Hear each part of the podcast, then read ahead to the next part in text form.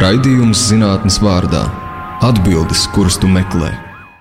Ceturtdienās, septiņos vakarā. Esiet sveicināti raidījumā zinātnes vārdā.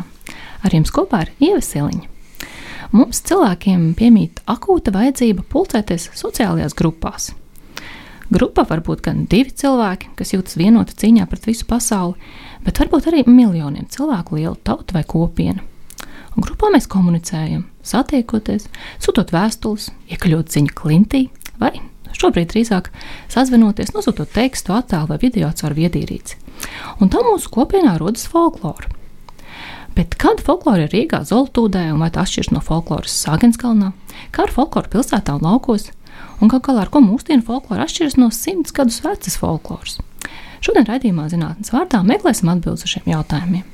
Mūsu viesis Latvijas Universitātes Literatūras, Folkloras un Mākslas institūta Latviešu krātuves pētnieks Gatis Ozoliņš. Gats ir iedziļinājies folkloras kolekcijās un tekstu vēstījumos, radījis zinātniskus rakstus, referātus, nodaļas kolektīvajās zinātniskajās monogrāfijās. Filoloģijas doktors Gatis Ozoliņš ir vairāk grāmatu autors.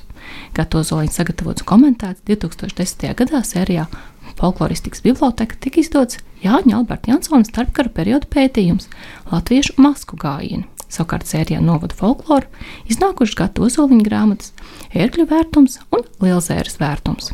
Šogad klajā nāks grāmata Kaivas stāsti. Gads arī Dāngopils universitātes docents un šobrīd vada Latvijas Zinātnes padomas finansēto pētniecisko projektu Pieredze pilsētā, narratīvi, atmiņas un vietas mantojums Latvijas Universitātes literatūras, folkloras un mākslas institūtā. Tātad raidījuma zinātnes vārdā viesis šodien ir Latviešu folkloras krātuves pētnieks Gatis Ozoliņš. Labdien! Labdien! Uh, Gati, kā tu nonāci folkloras jomā? Vai varbūt man jāsaka, kā tu nonāci arhīvā? Mm, jā, īstenībā diezgan saistīts lietas būtībā.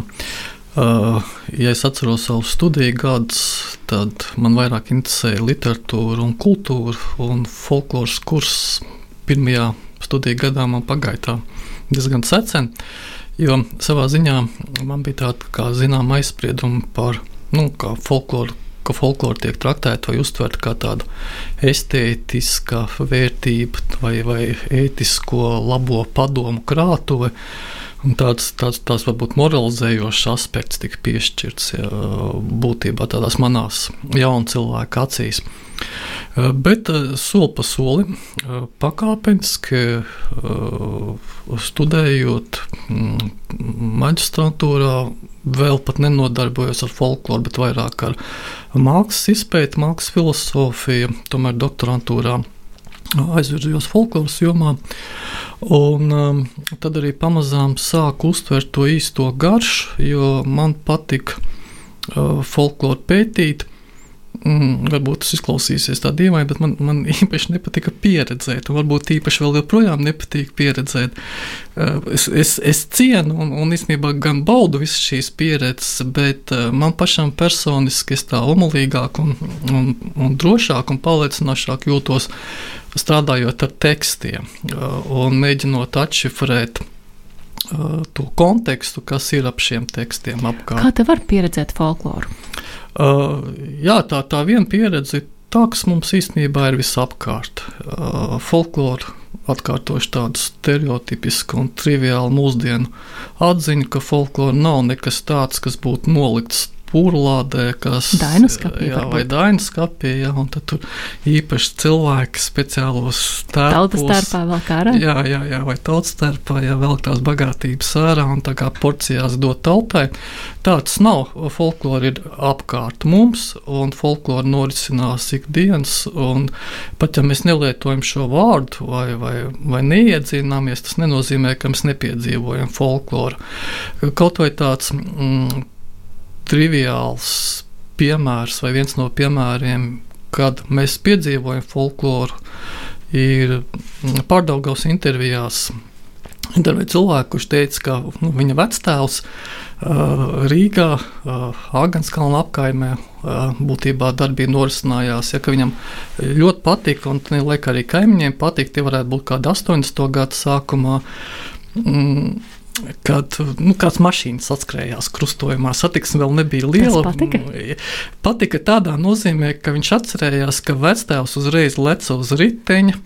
Visi kaimiņu puikas, apkārtējie cilvēki, kas bija ārkārtīgi interesēti, devās skatīties, kas nu ir noticis, un vēlāk nu, nedēļu vismaz runāja no dažādiem rakursiem un dažādiem skatu punktiem par šo. Es pieņemu, varbūt ne traģisko notikumu, bet tādu Neparasto. Neparasto notikumu. Un, jā, un tad, kad mēs stāstām un nepārtraukti pārstāstām, tad arī savā ziņā mēs pieredzam folkloru kaut vai šādā veidā. Tam vajadzētu precizēt, kas tieši ir un kas nav folklora. Uh, Grupas tradīcijas, skatīties un pārspriest. Uh, jā, raidījums sākumā pats sarežģītākais jautājums būtībā. Uh, pēdējo, pēdējā pusgadsimta acīm redzot, mm, ir ļoti stipri mainījusies tāda globāla. Globāla zinātnes izpratne par, par sevi, par savu disciplīnu, respektīvi, folkloristi ir ārkārtīgi daudz reflektējuši par to, kas viņi ir un ar ko viņi īstenībā nodarbojas. Un, protams, ka tur ir ļoti daudz dažādu skatu punktu un pretrunīgu viedokļu. Un um, tā, tās pamatādziņas, ko es gribētu šobrīd uzsvērt, ir tas, ka folklore nav mirusi, nedzīva vai pazudusi. Folklore eksistē, attīstās, nemitīgi pārveidojas un iegūst aizvien, aizvien jaunus tekstus. Tā kā, nu, no tā mums vajadzētu atteikties, ka folklore ir kaut kas vecs un aizmirsts. Patiesībā dzīves. Jā, tas ir dzīves, un tādā nozīmē mēs varam lietot šo nu, metaforu dzīvā folklore. Lai gan arī tā folklore, kas ir Dainas kapī, jā, tā arī dzīve, protams, jā. Šos tekstus paņem folkloras kopa vai skolas folkloras ansamblīs kāds un piedalās ar to skatējas dziesmu svētkos tam līdzīgi. Vai vienkārši dzied mājās sev par prieku. Tā viss ir folklora lietojumā un tā ir nu, dzīve folklora. Dzīve nozīmē tādā dzīve, tā, dzīve folklora tādā nozīmē, ka tā tiek lietota. Līdz ar to tā kādam ir vajadzīga un kāds no tā nu, kaut ko gūst. Tas tāds viens aspekts. Otrs mūsdienu folkloristikas aspekts būtu tāds, ka tā, tā tiešām ir grupu kolektīvs. Tas jautājums arī bija par to, ka jā, būtībā folkloru mēs, mēs radām savās ģimenēs starp diviem cilvēkiem, starp draugiem. Mums ir noteikti stāsti, kurus mēs atceramies un pārstāstam.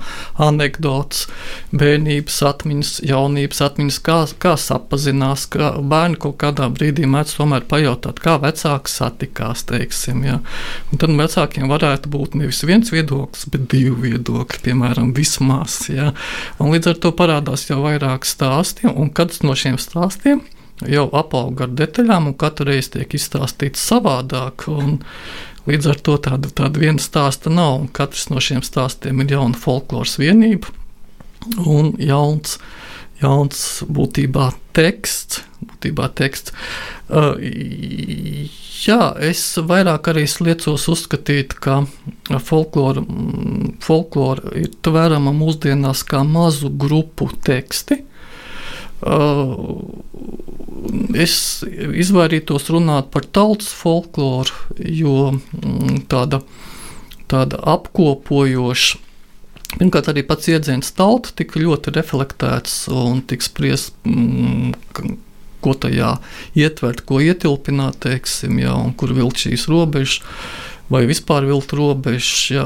Atcīm redzot, eksistē kaut kāds tāds varbūt virslānis vai tekstu kopums, ar ko asociējas lielākā daļa tautas, teiksim. Ja, bet, nu, himna jau noteikti, vai ne? Jā, Kā bet, nu, kulturāli signāli. Jā, nu, protams, ir tāda kā karoks, himna, teiksim, ja, ģērbons, um, noteikts tradīcijas, jā, sevišķi tas, kā mēs tās svinam, jā, vai mēs svinam Ziemassvētkus vairāk vai jaungadus, un kad mēs svinam lieldienas, tas, protams, iezīmē to mūsu uh, arī piederību, uh, identitāti. Bet, uh, bet uh, man šķiet, ka ļoti liela nozīme ir ikdienas lietojumam, ikdienas dzīvei.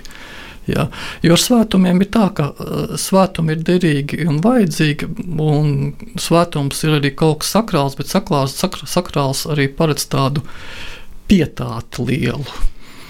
Uh, bet man liekas, ka folklore ir ikdienišķa. Kā ar ikdienišķiem tekstiem internetā? Ja mēs kādu bildīti sūtam šurpu turpu vai kāds uh, teksts, tā arī būtu folklora. Jā, un nē. Savā ziņā nu, nevienam nav noslēpums, ka interneta vidi ierīces ir pārpildītas ar dažādiem pārsūtītiem attēliem, tekstiem, kuri mm -hmm. atgriež, kurus kaut ko atsaucas.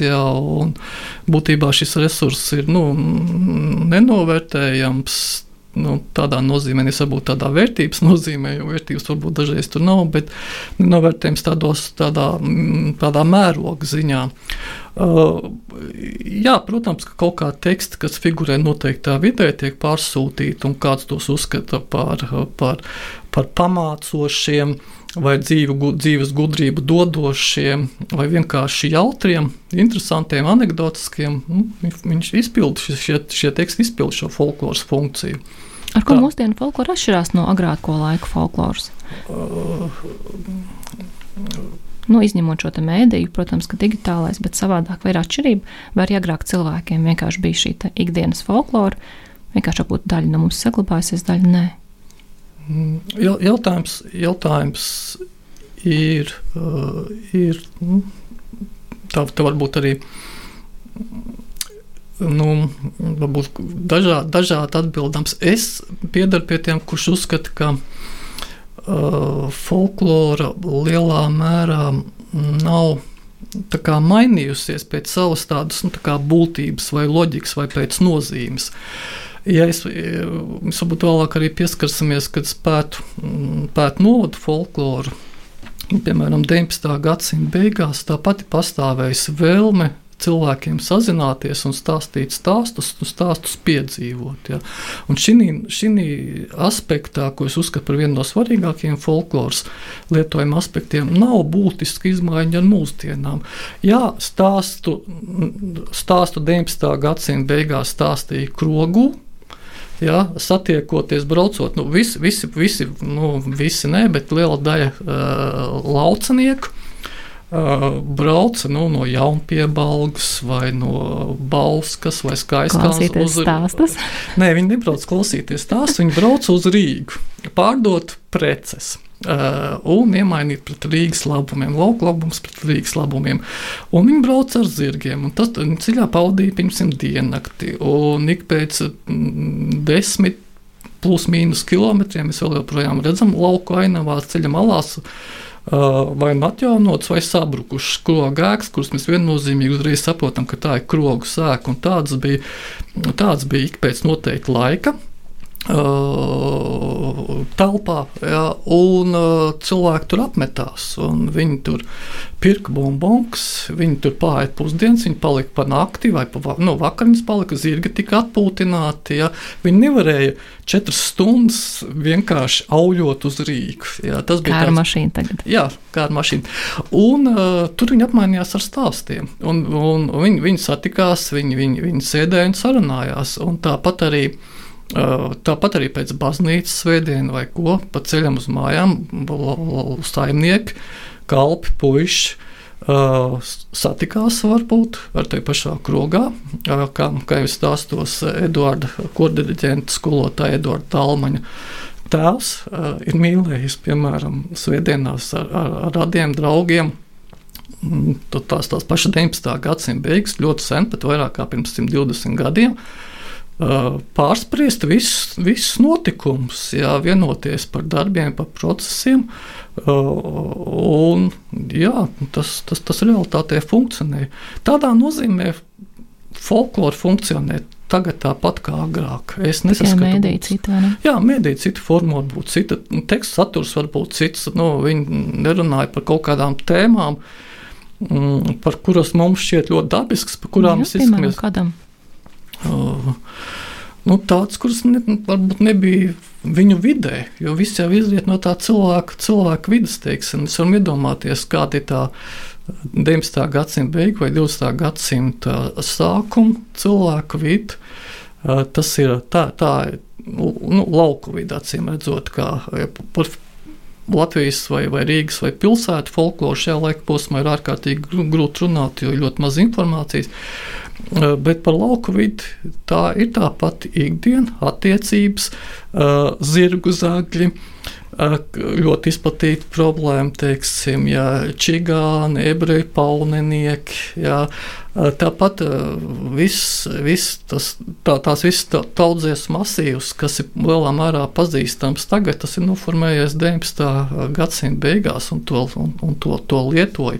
Ticējumi tiek, tiek, tiek pārnestie, un ticējumi, ticējumi vai kaut kāds uh, burām vārdi vai, vai, vai konkrētas lietas izriet no reālās dzīves situācijas. Šobrīd varbūt cilvēki nezina, kas ir vīveļu vārdi, jo gluži vienkārši viņiem nav ne zirgu, ne govju, kurām mēdz piepūsties vēders, jo viņi tur sēdušies kaut kādu leknu zāli, jā, bet kaut kādā noteiktā laika periodā, es pieņemu, pat vēl, pat vēl pēc otrā pasaules kara, tas bija ļoti aktuāli, jo ar vīveļu vārdiem ārstēja šo slimību nosacīta. Bet Tā kā šobrīd tā nav aktuāla cilvēkiem, mēs arī nelietojam šādu tipu tekstus. Toties mums parādās, parādās stāstījumi par Um, piemēram, pārdaugos intervijās viens teicējs atcerējās, ka 90. gadā, 90. gada sākumā viņš bija nu, aizrāvies ar tādu kā underground pagrīdes mūziku.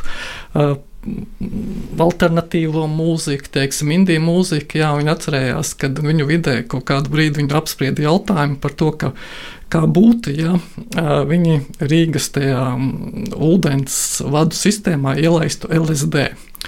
Kas ir no būtībā stāsts, kas ir mantots no hipiju, hipsteru vidas. To neizdomāja acīm redzot šeit uz vietas, tas ir globāls fenomens. Kā es to saprotu, nu, vienkārši, vienkārši uh, tas ietilps tajā. Mm, tajā stāstījumā, kas nu, realitātē nekad netiks darīts, un arī tas nebija iespējams, ja nekādā veidā. Bet kā stāstas figurēja ar tā domu, ka nu, mēs gribam pasauli darīt līdzīgāku, mums laimīgāku, priecīgāku, teiksim, ja, un Redziet, mēs dzīvojam pēc šādām vērtībām. Mēs gribam, lai pēc iespējas vairāk rīznieki dzīvo pēc šādām, šādām vērtībām vai šādu dzīves filozofiju. Mm. kā... Vienmēr ir jauki parunāt par to, kā būtu, ja būtu, vai ne? Jā, protams. Mēs ar šo nonākam līdz uh, urbānai folklorai, ko tu teici. Kas tad tieši ir urbānā pilsētas folklora? Varbūt urbānās leģendas? Uh, Jā, gan urbānās, urbānās leģendas būtu varbūt viens no tādiem populārākiem, izplatītākiem sižetiem par pazudušiem cilvēkiem pilsētā pēkšņi vai par tāpat spoku, spoku apsēstām mājām vai mājām ar kaut kādu bīstamības faktoru, kas, kas izriet nu, no kaut kādiem nostāstiem, kas, kas veidojas arī pilsētā. Ja? Savā ziņā ar folkloru tāpat ļaunu joku ir izspēlējis tā apgaismības ideja, kad Mm, cilvēki ir iedomājušies, ka folklore ir tāds vecu laiku maiticība, kura pieaugot izglītībā izzudīs. Bet, eh, kā mēs zinām, nu, nekas tāds līdz ar izglītību neizzūd. Principā neizzūd. Varbūt mainās kaut kādas izpausmes. Vai, folklore, ka jāiet vakcinēties? Mm, jā, starp citu arī. Gan, gan, es domāju, ka um, Covid laika vakcinācijas un pretpār vakcinācija radīja ļoti daudz dažādus stāstus par to, kāpēc nevakcinēties, un, vai, vai tieši pretēji vakcinēties. Visi atsaucās uz reālu dzīves pieredzi, bet viņi kaut kādā brīdī šie stāsti sāka figurēt kā folkloras teksti vienkārši. Ja. Es atceros, ka mm, atceros viens mm, kolēģis tēta bērns, kur viņa stāstīja par to, kā viņa ir pasūtījusi vainagu pa telefonu, un vainagā ir, viņa ir lūgusi. Lai uzrakstiem dusi saldi, debesīs, jā, Un tas teksts apmēram ir sarežģītāks, viņa, viņa stāstīja, ka, nu, sakot, nepareizi tika uzrakstīts šis uzraksts, un viņa to stāstīja kā savu pieredzi man, ka nu, pagājušajā nedēļā tā bija. Es Rīgā pasūtīju šo lēnu, pēc tam skatos, ka ir pat vesela folkloras krājuma, kuros ir apkopot šādi tipa teksti.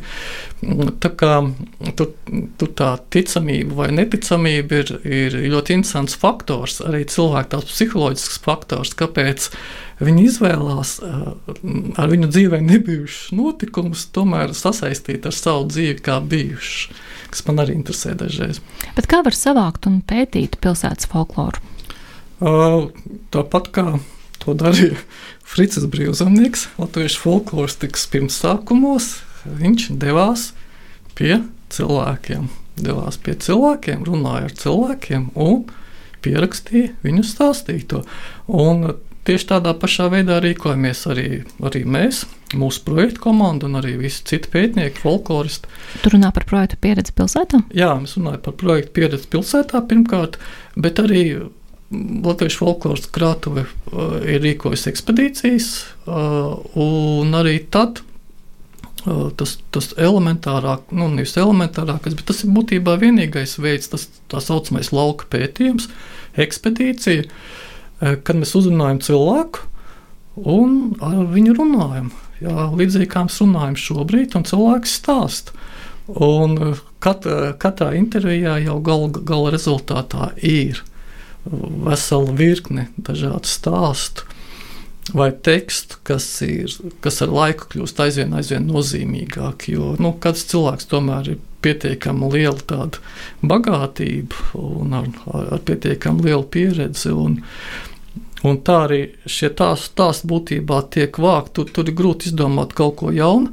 Vēl viens no veidiem, kas varbūt uh, saskaras ar to mūsdienu iespējām un mūsdienu funkcionēšanu, ir tas, ka mēs projektā aicinājām mājaslapā garamants.lv dalīties cilvēku cilvēkiem ar saviem stāstiem. Uh, atsaucība varbūt nebija pārāk liela, uh, jo man arī dažreiz šķiet, ka cilvēkiem Mm, ir vieglāk izstāstīt kādā konkrētā brīdī, kad viņu uzrunā pētnieks, nekā atrast laiku un, un uzrakstīt. Lai gan bija cilvēki, kas to darīja, un tur atrodam arī īstenībā vairāk instantu stāstu par eh, bērndārs laikiem, jā, par auklītēm, audzinātājām, par skolotājiem. Ja mēs atgriežamies pie tēmas, kas veido arī pilsētu folkloru, būtībā mūsdienu folkloru, eh, būs grūti būs grūti atrast varbūt tādas lietas, kas saistās ar Jāņu uguni vai lauku darbiem vai vispār agrāro ciklu. Jā, tas arī ļoti dabiski. Jā, pilsētas folklorā tā nav. Jā, pilsētas folklorā būs automašīnas, riteņbraucēji, gājēji, celtnes, ēkas, doma par NATO kaut kādu mītni zem Latvijas Nacionālās bibliotekas, jā, un figurēs e, būtībā tāda robeža starp baumām un folkloras tekstu arī dažkārt ir grūti, grūti, grūti novelkam. Jā. Te pašā laikā e, pārdaugaus projekta pieredze rāda to, ka e, savā ziņā pārdaugaus bērnības atmiņas, pat tie, kas bērnību piedzīvoja pārdaugā, Toņkalnā, Aganskalnā, Ilgciemā 70. un 80. gados viņi, viņi stāsta par to, kā par lauku pieredzi savā ziņā. Došanās pār tiltu uz pilsētu, uz Rīgas bija, bija kaut kas īpašs daudziem. Viņi atcerējās pļavas, kur tagad ir spilve. Viņi atcerējās braukšanos visu dienu ar riteni. Pa smilšainām ielām, uz lidostu, uz, uz, uz, uz Daugau, teiksim, jā, un, Mm, futbola spēlēšana, hokeja spēlēšana ziemā uz ielas, kas šobrīd šķiet absolūti fantastiska pat pārdaugavā. Kā atšķirās šī pilsētas pieredze dažādās apkaimēs? Uh, es runā, runājot par pārdaugavas pilsētas pieredzi, tad um, Es eh, fundamentāls, varbūt atšķirības eh, nevarētu šobrīd eh, izkristalizēt, bet, protams, paliek, mm, paliek kaut kas tāds netverams, ko vienā intervijā cilvēks teicējs nosauc par gāru. Ir kaut kāds Āgens kalna gars un ir kaut kāds Torņa kalna gars, tur bija ļoti labs tāds, ļoti labs tāds salīdzinājums mm, par Torņa kalnu baznīcu un kapiem un Mārtiņa baznīcu un kapiem kā tādu, kā Mārtiņa baznīca kā celtu jau pēc domas tādai tā kā aristokrātijai, pilsētas tā laika aristokrātijai, kā bagātākiem pārdaugavas iedzīvotājiem, un Torņa baznīca un vispār Torņa kalns kā tāds strādnieku rajons, kur ir fabrikas, kur ir uh, manufaktūras būtībā, jā, mazas darbnīciņas. Un, un, uh, līdz ar to acīm redzot, katrā no šīm apkaimēm, pārdaugavas apkaimēm, ir kaut kādas tādas vēstures un laikmeta noteiktas īpatnības. Jā. Uh, vēl ir vairākas, vairākas vietas uh, pārdaugavā, kas nemainās īstenībā. Jā. Uh, kaut kādu iemeslu dēļ tās nav perspektīvas vai nemainās, un tad ilgstošāk saglabājas. Nu, kaut kāda daļa, pieņemsim, kalcijam ielas rajonu, teiksim, jā. Tur ir mājas, kas ir, kas ir pastāv, kas daļai funkcionē, bet ir vienkārši vieta, kur vēl joprojām nav iegūst citu izskatu. Māja ir pazudusi, bet zemes gabals, piemēram, palicis. Protams, ka daudz ko nosaka, ja ienāk, ienāk, um, ienāk kaut kādi uzņēmumi, uh, uh, iedzīvotāji, mainās transporta kustība, piemēram, pagarinās kaut kā tramvaja līnija, vai ienāk jauna trolēļus līnija, vai tiek izveidota jauna dzelzceļa stacija. Un tad, protams, norisinās izmaiņas, bet uh, atsevišķas teritorijas daļas pat nemaina.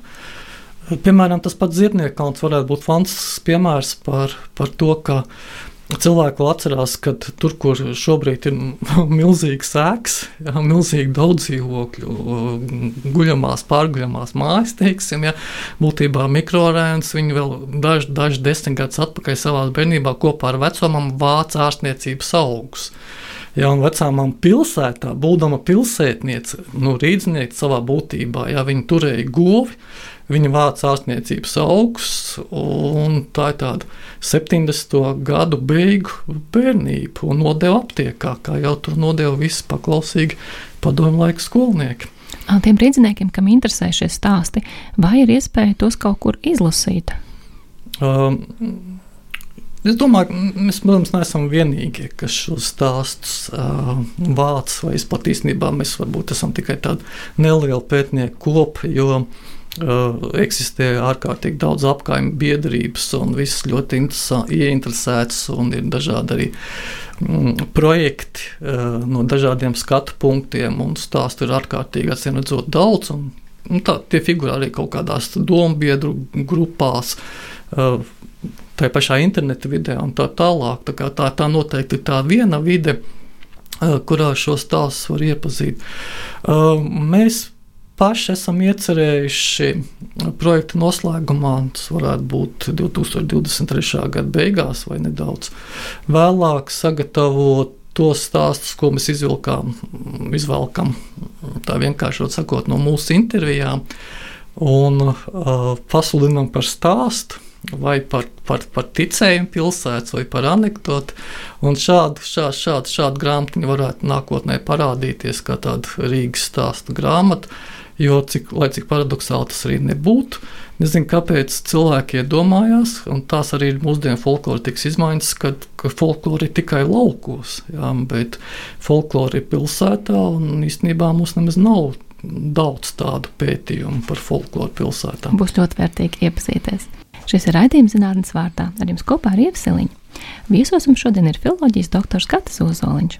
Iepriekš runājām par pārdaugos folkloru, tagad gribētos parunāt par novadu folkloru. Agata nevar nepamanīt, ka tu pastiprināti pēti vidzemes folkloru. Vai tas ir skaidrojums ar to, ka tu pats nāc no ērgļiem? Uh, jā, es domāju, ka jā. Pašam savi stāsti jāpierakstīs pirms? Jā, pašam savu stāstu varbūt arī ne, lai gan tur ir atrodams arī kā, uz 4. atloka varbūt tāds mans stāsts. Um, bet um, tur varbūt nedaudz par to manu kā, pētnieku uh, vai folkloras tapšanas procesu ir mm, varbūt būtu vērts arī pieminēt. Um, strādājot pie uh, doktora darba, pie promocijas darba, pie disertācijas, tā bija ļoti teorētiska. Un tajā brīdī es ar ļoti lielu aizrautību pētīju dažādas, dažādas teorijas. Man tas šķita ārkārtīgi interesanti, un es tur biju apkopojis gandrīz visas iespējamās teorijas par totēmismu. Ļoti lepojos ar sevi. Bet kaut kādā brīdī gan aizstāvēšanas process, gan arī tāda, tāda vēlākā pieredze man, man ļoti attālināja no teorijas. Es šobrīd ar diezgan tādu um, skābu ķīmi pētīt teorijas, jo man, uh, man, man, likās, man likās, ka svarīgāk ir doties laukā, veikt lauka pētījumus. Un um, pēc disertācijas aizstāvēšanas 2006. gadā man pavērās iespēja veikt lauka pētījumu uh, Latvijas uh, dievturdu draudzēs, kā tādā laikā teica, šobrīd saka saimes, uh, kas acīm redzot arī nu, mazina šo saikni ar um, ar, ar kristietības tādu, tādu arī terminoloģiju, kas nu, absolūti dabiska un izrietoša ir. Un otrs aspekts, ka man ļoti gribējās um, pētīt. Pētīt arhīvu materiālus un arhīvu lietas, jo uh, viens jau ir savākt un, un ielikt kaut kur plauktā, jā, vai, vai, vai skapī. Tas ir līdzīgi kā mūsu ceļojuma iespēja, kad cilvēki aizbrauc uz kaut kādu vietu un viņiem liekas ārkārtīgi viss ir fotografēšanas cienīgs. Un mūsdienu iespējas ļauj sabildēt dažās dienās vairākas tūkstošas fotogrāfijas, bet, nu, godīgi, kurš pēc tam tās ir pārskatījies, vai mēģinājis ieviest kaut kādu, kaut kādu kārtību šajā savā bagātībā, ja, kas neapšaubām ir. Uh, un um, uh, līdzīgi arī līdzīgi kaut kādā ziņā ir arī ar šiem, šiem folkloras vākumiem, materiāliem, kad, kas, kas ir savākti. Uh, milzīgs pulks entuziastu dažādos laikos ir vai nu sūtījuši materiālus uz latviešu folkloras krātuvi, vai, vai, vai, vai nesuši, vai paši folkloristi braukuši, bet ir trūcis, trūcis varbūt šī publiskuma vai pieejamības. Es vēl runāju arī par laikiem, kad būtībā materiāli vēl nebija digitalizēti. Šobrīd varbūt veidojas nedaudz cita situācija, kad šis konkrētais materiāls. Ja vākums digitālā formā būtībā ir pieejams interneta vidē, un jebkurš var nokļūt līdz savas skolas vākumam. Uh, Un, um, man gribējās sagatavot grāmatu sērijā Nodu folkloru. Un, būtībā, kāpēc neērkļi? Jā, man, protams, ka man bija kaut kāds jau priekšzināšanas. Es, es, es tā pieņemu, ka Andrēs Jurjāns noteikti kaut ko ir vācis. Um, Pauls galam teiks, bija, bija dzirdējis vēl par kaut kādām iespējamiem teicējiem vai, vai pētniekiem. Un es vienkārši iedziļinājos, un pēkšņi atklājās vesela pasaule. Atklājās ļoti liels skaits dažādu interesantu cilvēku, kas nefigurē praktiski vairs nekādā atmiņā. Uh, erg, lai nu kurš novads, bet erga novads ir pētīts pietiekami labi. Tur ir brīnišķīgi pētnieki kā Mārīta Breikša, ilgadējā braka muzeja vadītāja Anna Kuzina. Viņai ir viegli smilts, un arī, arī citi pētnieki, bet man parādījās tādi autori. Un tādi cilvēki, kur nefigurē viņu darbos, bet viņi ir bijuši ērglēnieši, teiksim, ja? kaut, kā, kaut, kādu, kaut, kādu, kaut kādu brīdi, kā piemēram Zvaigžņu Ančs, kurš izrādās ir publicējis pat uh, trīs uh, ticējumu buram vārdu krājums sēkļos, jā, 1910., 12. un līdzīgo, līdzīgos gados, bet, bet godīgi sakot, ar ļoti, ļoti lielu piepūli man izdevās nu, atrast kaut ko par viņu un pateikt kaut ko vairāk, un tas savā ziņā arī liecina par to mūsu varbūt kopīgo attieksmi pret mūsu mantojumu, ka, kad mēs it kā ļoti daudz ko darām un mums ir um, mums ir, mums ir kaut kā tādi, es nezinu, varbūt es tā slikti izteikšos, tādi top autori vai top notikumi, kas, kas, kas, kas, ar kuriem viss aizraujas. Vai vairāk uzsvars ir uz stāstu, mazāk uz stāstnieku? Jā, arī, arī, arī tas, arī tas, tas arī folkloristikā bija, bija ļoti raksturīgi, ka sākotnējā interese vairāk bija par tekstu. Ja mēs palūkojamies, piemēram, barona laika vākums vai sūtījums, tad uh, ir ļoti grūti kaut ko uzrakstīt par, par teicēju, uh, jo tas pat nav varbūt šitis svarīgs. Ja, uh, ja tur, piemēram, Jēkabs uh, Kemers, jeb ķemers, uh, ir uzrakstījis, ka viņa tautsdzies un vākumu izstāstījis viņas māte un minējis vārdu un uzvārdu, tas ir fantastiski daudz. Jā, īstenībā lielākā daļa ir tāda anonimitāte, un tieši, tieši tas man šķitis visinteresantākais, ka katram tekstam ir teicējs. Nu, un teicējs nav tauta, teicējs ir konkrēts cilvēks. Man vienmēr bija svarīgi pierakstīt visu, kas ir, ko ir iespējams pierakstīt par teicēju, un arī par pašu pierakstītāju. Um, es pamanu, ka gan ērgļu, gan lietsēras krājumam ir nosaukt par vērtumiem. Kas ir vērtums? Mm, vērtumu es paņēmu no mm, Jāņa Krūmiņa novatpētnieki, folkloras krāvēji, krājēji, draudnieki, eh, kas dzīvoja Vestienas pusē.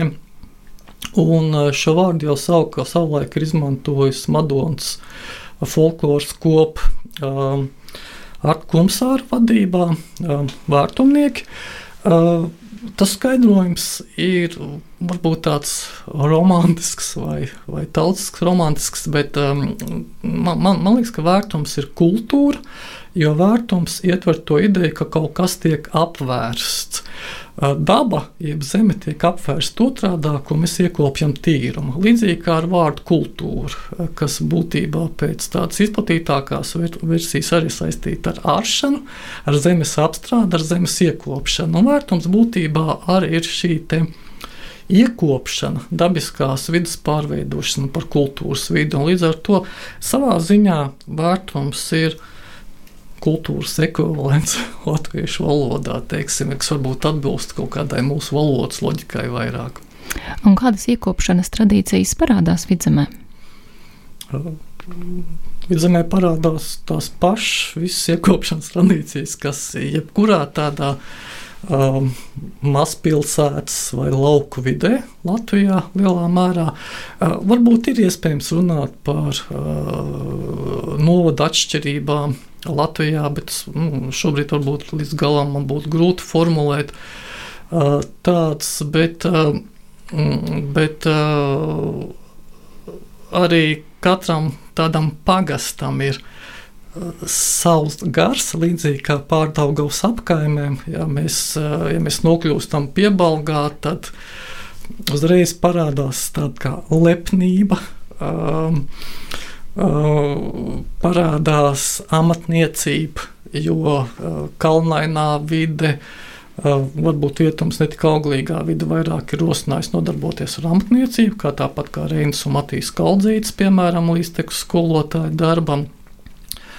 Un, un katram novadam ir, katrā novadā vēl ir pagastu robežas, pagastu robežas, kad dažkārt ir tās tā kā jauktas, mainītas laika gaitā, eh, bet tomēr tādā vietējā apziņā vienmēr, vienmēr eh, saglabājas, pat ja kaut kāda daļa ir nokļuvusi kādā citā teritorijā. Bet tradīcijas jau ir tās pašas, kas ir visur citur. Man, liekas, ka tas vairāk saglabājas. Tas vairāk saglabājas. Uh, kulinārās tradīcijas, lielā mērā uh, aušanas tradīcijas ar, ar tekstilu, apģērbu, drēbēm. Kopumā jau no kultūras pētniecības viedokļa, tad, kad um, ir diezgan labi arī zināms tā Vispārīgi, ja cilvēks maina dzīvesvietu, pārcēlās nezinu, uz citu kontinentu vai valsti, tad visilgāk saglabājas tieši ēšanas tradīcijas. Viņš ļoti ātri pielāgojas vietējai videi, sāk ģērbties ļoti līdzīgi kā vispārējie, lai vizuāli neatšķirtos arī frizūra ļoti līdzīga. Bet pa svētkiem klusu istabā savā vidē.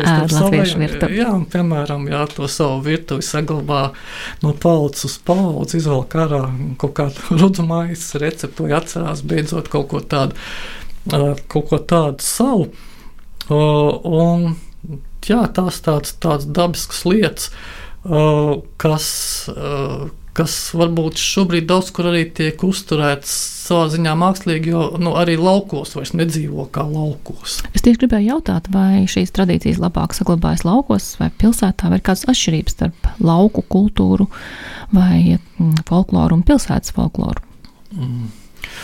Uh, ja man ļauts formulēt, tad um, uh, folklora tādā klasiskā izpratnē, kā tāda mūsu latviešu klasiskā folklora, ko mācās skolās ar tautsdziesmām, ticējumiem, tradīcijām, asku gājieniem, visādām tādām lietām, tā eksistē lokāli, bet salīdzinoši līdzīgi kā pilsētā, tā dažādos lauku novados. Viss ir atkarīgs no folkloras, varbūt kopas vadītāji, tās filozofijas vai pasaules skatījuma, jā, vai no dalībnieku interesēm, teiksim, ja kādā no nodiem varbūt vairāk, vairāk ir interesi par, par aušanu, jo tur vienkārši ir, ir, ir cilvēki, jā, kur, kur, ar kuriem, kuriem patīk ar to nodarboties. Vakardien braucu cauri, pirmo reizi dzīvē braucu cauri Līmeņu pagastam, ja, jaun, atvainojos Jēkabpils novadā.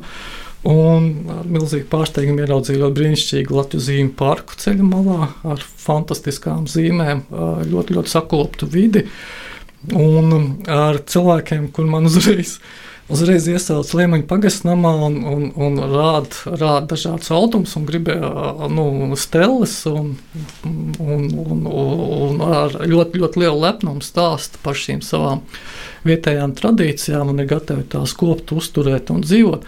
Bet es nedomāju, ka tas ir radikāli savādāk, kā piemēram mm, Pārdaugavā tas būtu arī Tur ir apgājuma biedrības aslauks un šampētieris, ar ko man bijusi ciešāka sadarbība.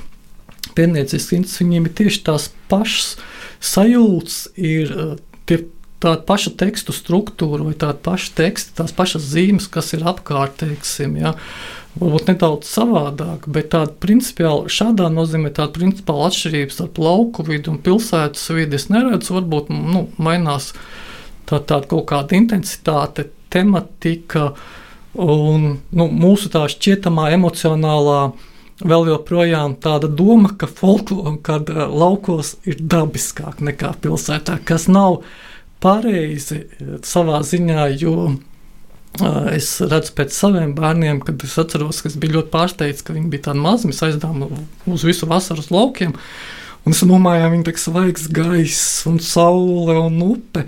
Un iebraucot pilsētā, viņi pilsēta, un viņi ievelk to benzīnu un asfalta garu, un viņiem šī vide ir dabiska. Viņi, viņi jūtas tā kā beidzot atgriezušies mājās. Un līdz ar to arī nu, tur ir tā atšķirība. Arī tā pati nu, folklora līdz ar to pilsētā ir tieši, tieši, tieši tā, tā, tāda pati būtībā. Tā jaunākā grāmata ir Kaivas stāsti. 2021. gadā Kaivas pagastā dzīvoja tikai 298 iedzīvotāji. Ko tu esi no viņiem noskaidrojis? Ļoti interesanti, ļoti interesanti lieta. Es ceru, ka izdevniecība būs tik saprātīga, ka izdos Kaivas stāstus 300 eksemplāros, un katram iedzīvotājam tiks viens eksemplārs, un man būs divi. Uh, bet, tur ir ļoti interesanti cilvēki, kas ir gatavi um, ziedot savu laiku, kā uh, Agnēs Caunība Bērziņa, kas ir gatavi ziedot savu laiku, un arī pirms manis jau ļoti daudz darījuši, lai pētītu Kājas pagastu.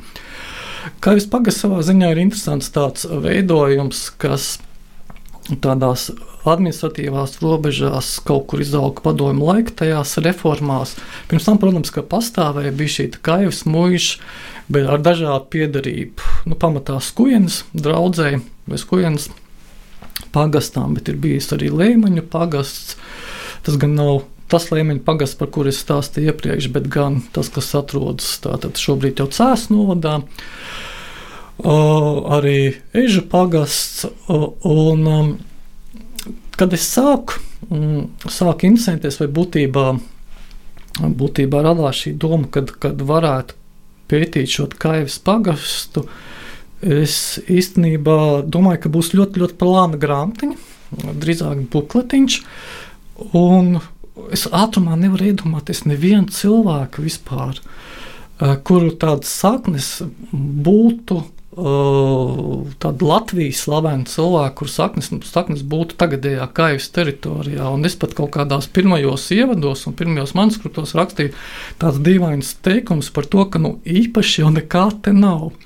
Tomēr šobrīd. Kad sāk rakt, tomēr bija. Jā, un, un, un tas fantastiski, ka tad, kad tu sāc rakt, tu atrod, jā, un tu atrod aizvien vairāk cilvēku par kuriem sen ir visi vietējie aizmirsuši, kas, kas nav bijis aktuāli, par ko ir aizmirsusi visa Latvija. Īstenībā šie cilvēki mums ir ārkārtīgi svarīgi.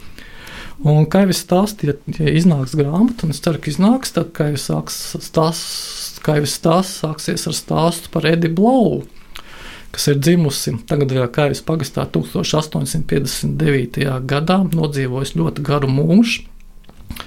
Viņai bijuši deviņi bērni, no kuriem četri dēli saņēma Latvijas plēšas ordeni. Un mums nav nevienas tādas uh, dzimtas vairāk Latvijā. Viņa pati saņēma uh, trīs zvaigžņu ordeni, un uh, viņa, viņas meitas, viena no meitām bija dzēniece un aktrise Berlīnē līdz Pirmajam pasaules karam. Jā, un, Un tā ir vienkārši tāda fantastiska dzimta, ko ir, ko ir gan vairāk šobrīd saistīta ar, ar citu pagastu, ne ar kaivas pagastu. Būtībā eksistē tāds nu, ļoti labs ar interneta vidē pieejams pētījums par šo dzimtu. Uh, bet tā plaši un, un vēl vairāk šis vārds netiek izskanējis. Neizskan būtībā. Jauki izskanēs šodien. Jā, tas jau ka tas izskan šobrīd, jo man, man, man tāda sajūta, ka mēs dažreiz ķeram savu asti un mūžīgi runājam un atgriežamies pie viena no tā paša arī pētniecībā, ka mēs kā, mm, dažreiz neejam mm, tādā. tādā Takās, uz malu, mazāk uz malu, jā, uz mazāk staigātām takām, jo nu, tas varbūt nav tik perspektīvas, jā, jo īstenībā tādām zināšanām par es pieņemu, ka ļoti daudz cilvēku man jautā, nu, kāpēc nerakstīt par lielāku pagastu. Lielāks pagasts varbūt tevi labāk atbalstītu, būtu lielāka auditorija, būtu tāda vēl, vēl, vēl labi būtu, ja tas būtu angliski, jā, un, un vēl kaut kā savādāk, ja tu varētu veidot karjeru. Bet kaut kādā brīdī es sapratu, ka nu, karjeras man absolūti šādā nozīmē nav nepieciešama. Tas ir tas, uh, tas veids, ko, kā es varu, nu, ko es varu ieguldīt tajā pētniecībā un sniegt. Mazās kopienas arī veido mūsu valsti, vai ne? Jā, un īstenībā jau mūsu valsts ir mazas kopienas. Tieši tā. Šis ir raidījums zinātnes vārdējums kopā ar Ievaseliņu. Viesosim šodien folklorists Katis Ozoliņš. Iepriekš runājām par Latvijas lauku folkloru. Tagad gribētos pieskarties simts gadus senai vēsturei. Kopš Putina uzsāktā asiņainā iznīcinošā kara Ukrainā Katrs no mums ir aizdomājies, kā tas ir bijis mūsu senčiem būt karā. Agati, tu esi pētījis arī Pirmā pasaules kara folkloru. Saki, ko tās stāst par mūsu tēvu, vectēvu, vecastāvu pieredzi?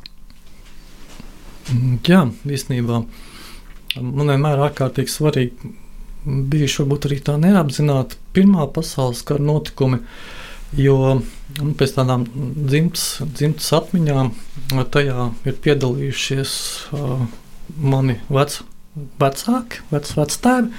Tātad, nu, Un viņi ir atgriezušies no kara, bet, kā saka, nav bijuši strādātāji un ilgi nav dzīvojuši. Respektīvi, karš, karš ir tāda lieta, kas ir absolūti nepieņemama.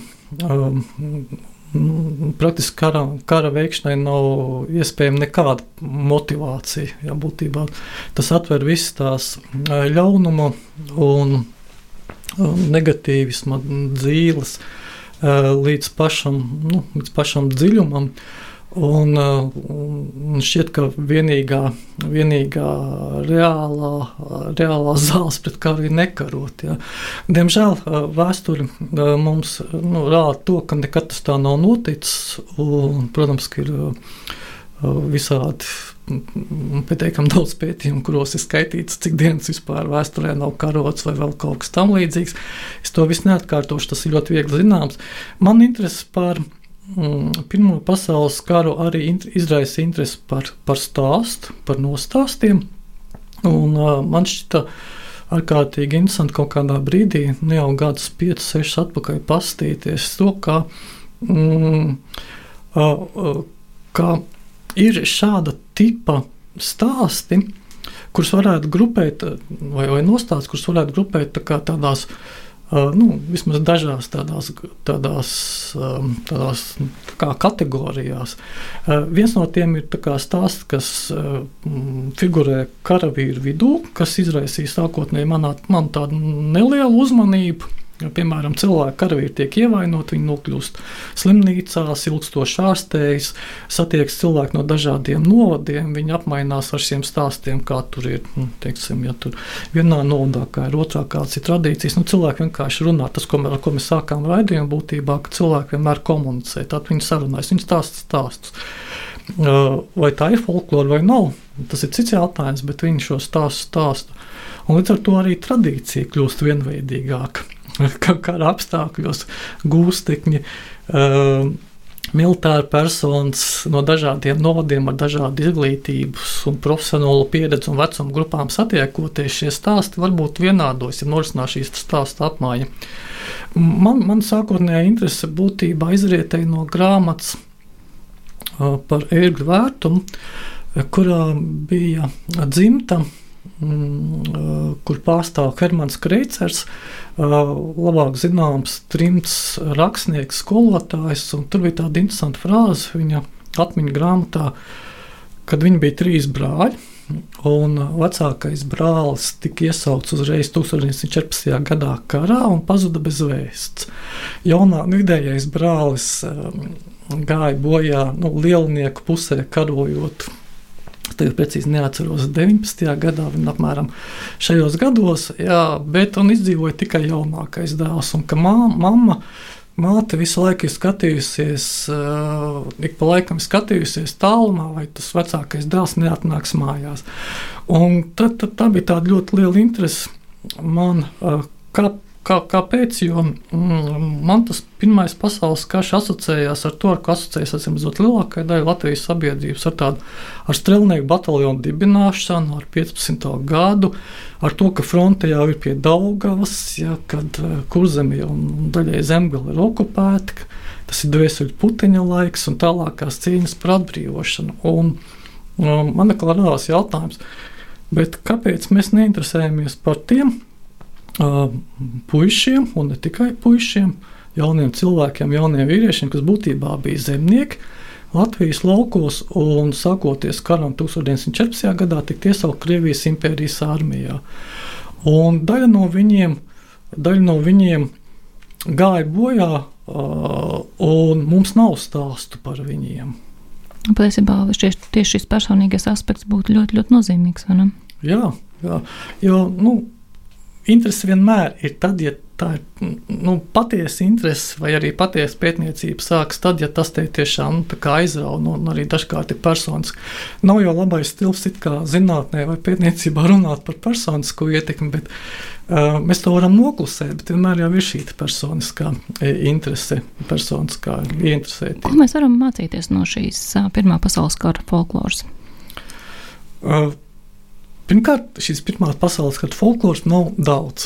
Savu uzdevumu es saskatīju tajā, ka es centos un cenšos vēl joprojām nejaukties vēsturnieku lauciņā, kara muzeja vai vēstures institūta pētnieciskajos, pētnieciskajos materiālos. Es par savu tādu uzdevumu uzskatīju izšķirstīt latviešu folkloras krātuves kolekcijas un no tām izvilkt ārā šos te tekstus, kas saistīti ar Pirmo pasaules, pir, pirmo pasaules karu. Un, tas, ko mēs, mēs varam īstenībā mācīties, ir to, ka karš ir. Nu, karš, ir, karš ir nevajadzīgs, karš ir postošs, karš ir, uh, karš ir iznīcinošs. Ja, būtībā nevienam neko labu nav atnesis. Pat ja nu, šīs atmiņas dažreiz ir komiskas, uh, savā ziņā tā ir tāda kā pretreakcija, bet, bet ļoti daudz atmiņu ir arī īstenībā par to, ka teicējs, kur intervē piemēram 1965. gadā, un kopš tām cīņām ir pagājuši 50 gadi, viņš nu, tā tāpat vēl joprojām atcerās to visu ar, ar, ar, ar asarām acīs, ja, un neko labu pateikt par karu nav iespējams. No otras puses, tas um, diemžēl ir bijis, vai ne? Līdz ar to tas nav kaut kas pilnīgi jauns šobrīd. Nē, pasaulē nav vispār nekā jauna. Jā, viss vienmēr ir jau bijis. Tādēļ mācīsimies vēsturi. Paldies! Gati no sirds priecājas tiem panākumiem, novēlu akadēmiskās sekmes arī turpmāk. Atgādinu, ka raidījumā zinātnes vārdā bija folkloras pētnieks Gatis Ozoliņš. Studijā bija Ieva Zeliņa. Lai sekot jaunumiem mūsu radio, atcerieties piesakot atrādio un ap kanāliem, sociālos tīklos, Facebook, Twitter un Instagram. Lai jums visiem stāstu un piedzīvojumu pilns vakars! Atā! Raidījums zinātnes vārdā - atbildes, kuras tu meklē. Ceturtdienās, septiņos vakarā